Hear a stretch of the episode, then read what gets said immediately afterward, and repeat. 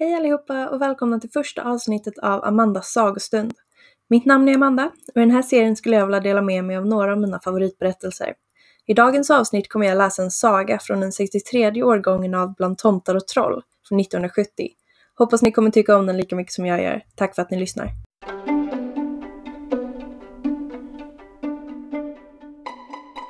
Pavel och Priskilla av Britt G. Hallqvist. Det var inget märkvärdigt med fröken Priscilla Eriksson. Hon liknade hundra andra damer i Allingsås.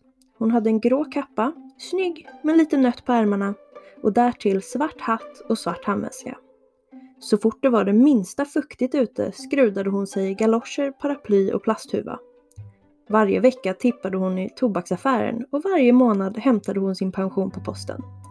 Fröken Eriksson, eller tant Priskilla som hela stan kallade henne, bodde på nedre botten i ett gammalt brunt hus vid ån som rinner tvärs igenom Allingsås. Till huset hörde en gård omgiven av magasin och prydd med ett par höga, vackra lönnar. In till gården förde en lång, skum portgång där odygdiga barn ibland stod på lur för att skrika bu åt äldre, stadgade personer. Det var som sagt inget märkvärdigt med tant Priscilla. Men det som hände henne, det var något märkvärdigt. Sju av hennes vänner satt, satt samlade kring det runda salongsbordet och firade hennes 70-årsdag då det ringde på dörren och en oväntad gäst trädde in. Det var Priscillas brorson, direktör Elof Ricardo, ägaren av den berömda Cirkus Ricardo. Han gratulerade sin faste hjärtligt och bad henne gå ut på gården för att titta på en present han ville ge henne. Alla blev nyfikna och förvånade och någon undrade om det kunde vara en bil. Ännu mer förvånade blev de då de kom ut på gården. Bunden vid en lönn stod där en stor grå elefant. Ett fasligt oväsen bröt ut bland kaffetanterna. Priscilla stod tyst och betraktade elefanten. Han är gammal men lika pigg och kry som du faster, sa Ricardo. Jag tycker att det är på tiden att han slipper göra konster nu. Han förtjänar verkligen att bli pensionerad. Och eftersom du är ensam så tänkte jag att... Då Priscilla fortfarande teg blev Ricardo besviken. Tycker du inte om Pavel? frågade han. Jag lovar att han inte bits. Och han är både snäll och foglig. Tant Priscilla gav sin brorson en klapp på kinden och sa Jag förstår att du menar väl min gosse. Men var ska jag ha elefanten? Där, i det tomma garaget. Jag har redan talat med din värd. Och jag betalar hyran. Mat åt Pavel ska jag också stå för. Tack snälla du, sa tant Priscilla. Så gick hon fram till elefanten, smekte honom på snabeln och mumlade. Jag tycker om dig. Du får gärna stanna här, om du tycker om mig. Till svar lyfte elefanten sin snabel i vädret och trumpetade ljudligt. Alla brast i skratt och Ricardo ropade. Han gillar dig faster, precis som jag gör. Då fick Ricardo en kram och tant Priscilla bjöd honom att stiga in och smaka på tårtan medan elefanten stod parkerad på gården. De två fick dricka kaffe ensamma eftersom andra var fullt upptagna av att beundra det nya husdjuret. Alltså kunde cirkusdirektören i lugn och ro lära sin faster vad hon behövde veta om en elefants vanor och skötsel. Allt han sa skrev hon upp i en liten röd anteckningsbok medan hon då och då mumlade “ytterst intressant” eller “det ska jag minsann komma ihåg”. Det är bra att du bor här vid ån, sa Ricardo. För Pavel är väldigt noga med sitt dagliga bad. Tant Priscilla nickade och tittade ut genom fönstret. Där flöt Lillån, trög och grumlig. Hur skulle det se ut när elefanten badade där? Vad skulle skräddaren på andra sidan ån säga? Och polisen som jämt gick på torget? Så gav sig direktören iväg till sin cirkus i Göteborg för att resa vidare med den. Och de övriga gästerna gick hem, var och en till sitt. Priscilla drog en suck av lättnad och bar ut ett par gamla filtar till garaget. Plats! ropade hon och pekade på bädden hon gjort i ordning. Långsamt och omständigt la sig elefanten ner. Äntligen skulle det bli ro i gården. Tant Priscilla hade just lagt sig för att vila middag då det ringde i telefonen. Det var Thea, hennes bästa väninna, som inte kunde komma på kafferepet för att hon hade värk i ett knä. Nu var hon full av pratlust. Har du tänkt på mitt förslag? frågade hon så fort hon hade gratulerat. Vilket förslag? undrade Priscilla. Att du ska skaffa en hund. En liten rar vovve. Något i stil med min Fiffe. Priscilla log för sig själv, men det hördes inte på rösten när hon svarade. Nej, det behövs inte. Jag har nämligen just fått ett sällskapsdjur av min brorson. Vad är det? En kanariefågel?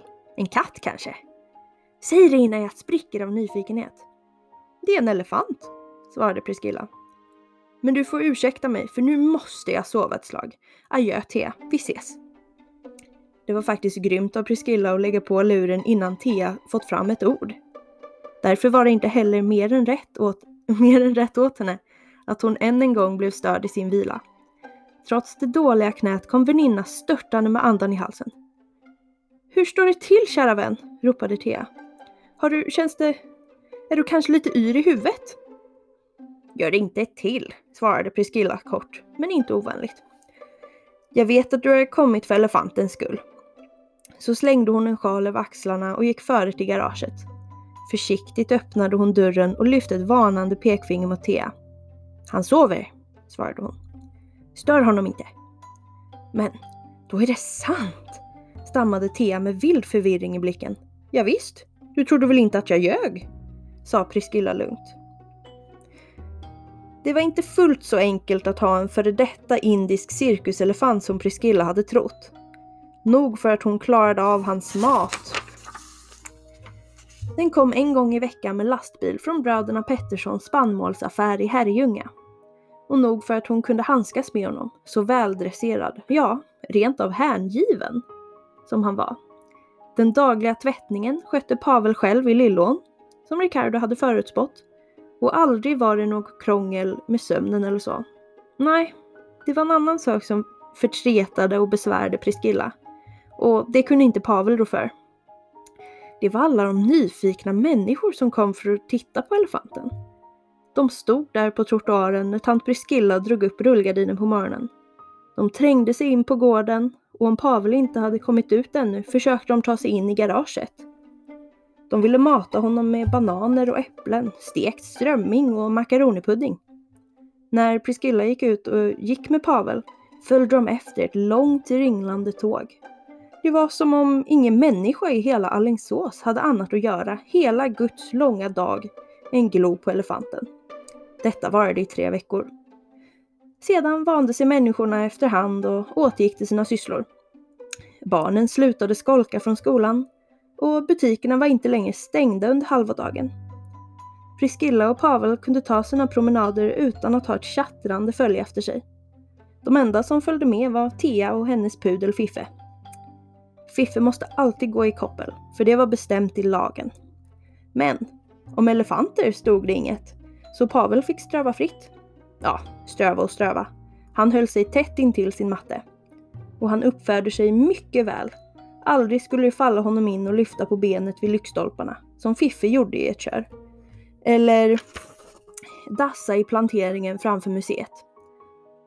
Det väntade han med tills de kom ut ur staden, till Lövekulle eller Häradsberget. Priscilla hade en hel del nytta av sin elefant. När hon gick och handlade bar han hennes kassar och paket. Inga odygdiga ungar vågade längre skrika bu åt henne i portgången. Gick hon hem från TEA eller syföreningen sent en kväll så behövde hon aldrig vara rädd för att bli ofredad av busar. De dröp av så fort de såg skuggan av den väldige. Överallt bemöttes hon med vördnad och artighet. Den lilla torra tant Priscilla. Hon var en berömd person numera. Ja, berömd som tanten med elefanten. En februarimorgon var Priscilla på väg till sin speceriaffär på Kungsgatan med Pavel i följe. Det var halt och på torget hade man inte hunnit sanda än. Priscilla halkade och föll omkull. Aj! kved hon. För gjorde mycket ont i vristen. Hon skulle just ropa på hjälp då Pavel svängde med sin långa snabel, virade den om livet på henne och varsamt lyfte upp henne på sin rygg. Där satt hon och blinkade häpet. Tack snälla Pavel! utbrast hon så fort hon hade sansat sig. Vill du vara så vänlig och föra mig till lasarettet? Det ville Pavel. Med sitt paraply som hon lyckligtvis inte släppt, styrde hon honom till sjukhuset utan att det minsta bry sig om alla människor som häpet stirrade på henne. Medan hon fick foten gipsad väntade Pavel tåligt på sjukhuset, sjukhusets parkeringsplats. Efter den betan fick tant Priscilla hålla sig inne en hel månad. Det var besvärligt, särskilt för Pavels skull. Två gånger i veckan kom fru Ros, timhjälpen, och då fick Pavel sin mat av henne. Men man kunde ju inte begära att fru Ros skulle gå ut och gå med honom. Det fick Thea göra istället. Priscilla måste erkänna att hennes väninna var utomordentligt hygglig mot Pavel. I början hade hon ju inte tyckt om honom. Man kunde rent av ha trott att hon skämdes för att visa sig på stan i sällskap med Priscilla och hennes elefant. Ständigt hade hon påpekat att hon visste då ingen som hade en elefant till sällskapsdjur. Det passade sig inte, antydde hon. Men så småningom hade Pavel vunnit hennes hjärta. Hon tyckte att hans små, kloka ögon var underbart vackra, liksom de stora öronen. Inte heller tröttnade hon på att betrakta svansen som var så förvånansvärt liten jämfört med den långa snabeln. Och så är Pavel begåvad, sa Thea. Han går ju och badar på egen hand. Bara en sån sak. Åja, det är ju så nära till ån, så det är väl inget märkvärdigt, tyckte Priskilla. Men igår, när varken du eller fru Ros kunde komma, då gick han till Lennartssons bageri ensam. Thea häpnade. Och Priscilla måste förklara hur det hade gått till. Pavel hade fått lukta på en limpa från bageriet. Det skedde genom fönstret och gården, där han luktade omkring. Så hade hon hängt en kasse på hans snabel med en handlingslapp och pengar och sagt att eller sagt till honom Lennartssons tre gånger. Ja, det var det hela. Pavel hade kommit hem med frallor och rågkakor, just som han skulle. Fast det får ju inte bli någon vana, sa Priscilla. Min brorson sa att elefanter kan bli skrämda av småsaker, som till exempel... Vänta, få se. Hon bläddrade i sin röda anteckningsbok. Ja, här står det. Av en papperslapp som kommer blåsande eller en liten fågel. Och vem vet vad Pavel då skulle ställa till med. En annan person som visade sig hjälpsam nu när Priscilla måste sitta hemma, det var hennes värd, fabrikör Larsson. Han höll porten stängd vissa timmar på dagen så att Pavel kunde gå lös på gården. Den dagliga promenaden med Thea gav nämligen inte elefanten tillräckligt med motion och att stå instängd i ett garage är inte så roligt. Från köksfönstret höll Priscilla uppsikt över sin elefant där han spankulerade omkring. Och hon pratade med honom av hjärtans lust.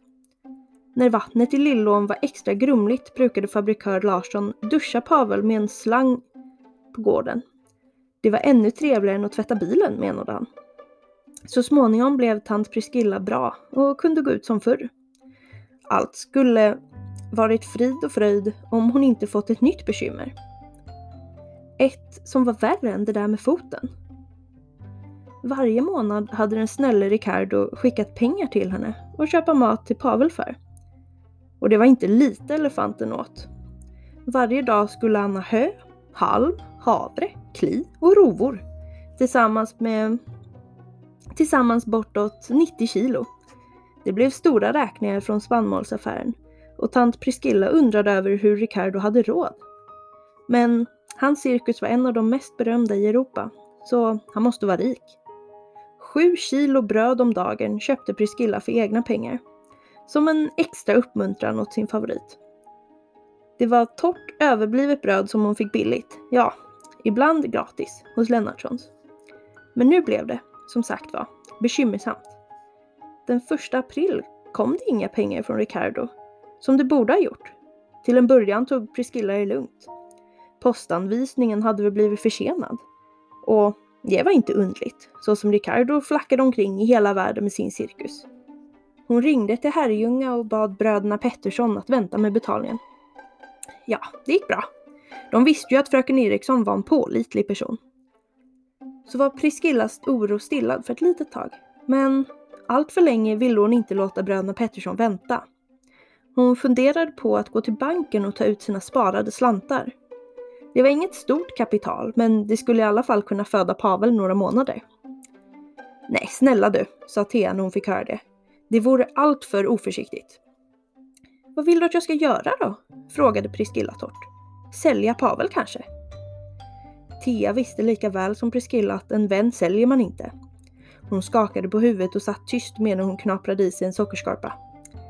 Du kanske vinner på tippning, sa hon sedan. Ja, det kan jag ju inte räkna med, tyckte Priscilla. På alla dessa år har jag, ju, har jag ju bara vunnit en enda gång. Och det var 23 kronor. Men, hörru du du, utbrast Thea och lyste upp. De vill ju göra ett tv-program med Pavel och dig. Jag tyckte nog det var dumt av dig att tacka nej den gången. De betalar säkert bra. Kan du inte ringa och säga att du ändrat dig? Nej, min stolthet förbjuder mig det, svarade Priscilla. Och jag vill inte att Pavel ska bli en... Oh, vad kallas det nu för? En kändis menar du? Just det. Men det är han ju redan. Ja, åtminstone i Alingsåstrakten. Ja, och det kan räcka. Jag vill inte uppleva den första tiden igen. Med allt spring och gloende här i gatan och var man gick. Kommer därtill tv-bilar. Och sladdar och tekniker och elände. Nej tack, inte för mig. Är du så envis så... Thea lät stött. Hon gav sig inte. Då får vi sätta igång med en insamling åt Pavel, sa hon. Eller bilda en förening som underhåller honom. Kan vi inte föreslå scouternas vänner att det blir elefanters vänner istället? Scouternas vänner hette syföreningen som de båda tillhörde. En gång i månaden stickade och virkade de där för att tjäna pengar åt scouterna. Priscilla höjde på ögonbrynen när hon hörde Theas förslag. Nej, sa hon i en bestämd ton. Hur skulle det då gå med scouternas nya sportstuga?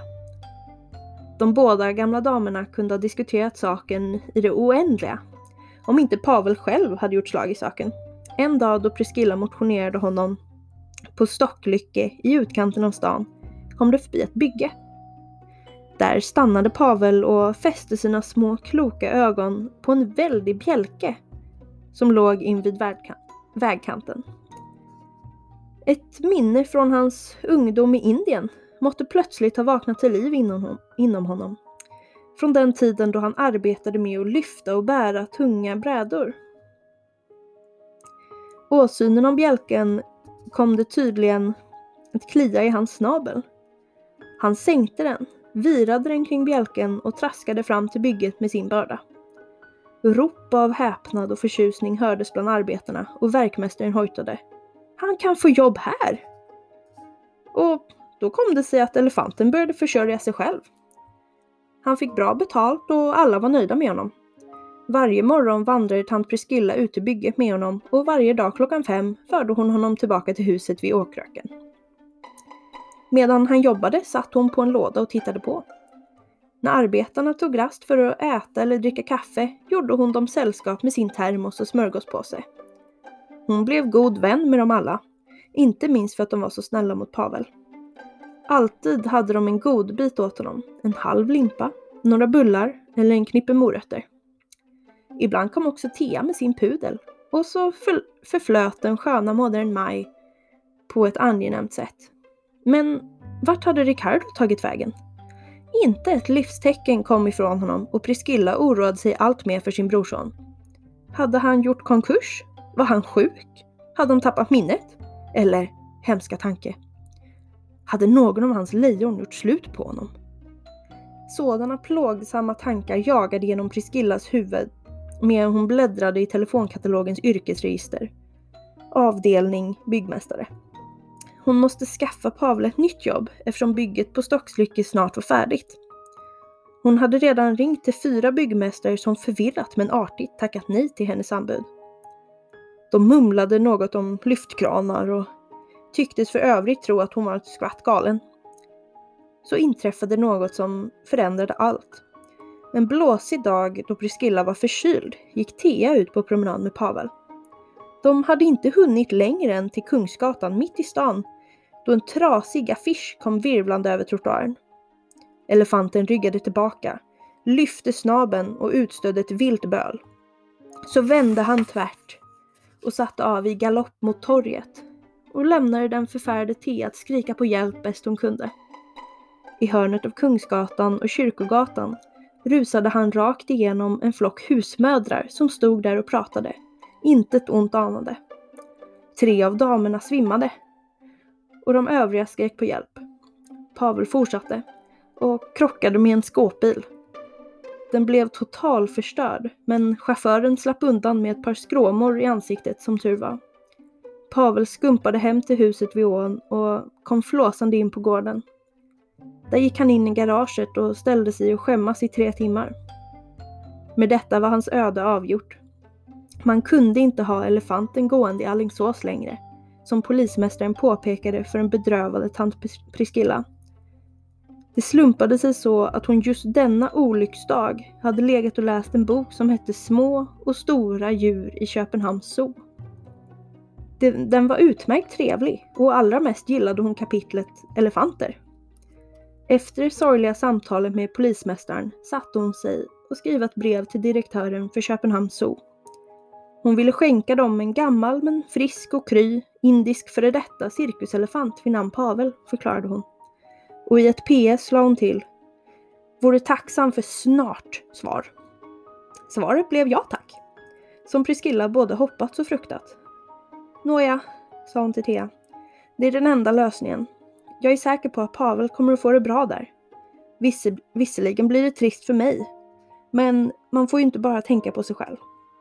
Så fraktades elefanten i godsvagn till Göteborg, varifrån resan fortsatte med, till Kö med båt till Köpenhamn. Både Priskilla och Thea följde med. I Zoo tog de ett rörande avsked av sin store vän och sedan gick de till tivoli för att muntra upp sig själva. När de åkte runt med Lille Putt-tåget sa Priscilla till sin väninna. Här är trevligt. Och nu har vi ju en anledning att resa hit ett par gånger om året, eller hur? Thea nickade ivrigt. Ja, vi får inte överge Pavel, instämde hon. Men nu tycker jag att vi går in och tar oss en, röks, en räksmörgås och en öl. En kort tid därefter läste Priscilla i tidningen att chefen för Cirkus Ricardo, direktör Elof Ricardo, hade tillfrisknat efter en längre tids sjukdom och nu börjat glädja Alingsåsborna med ett gästspel. Alltså har inte lejonen gjort mos av honom, mumlade tant Priscilla. Jag ska genast ringa till Thea. Vi får säkert gratisbiljetter.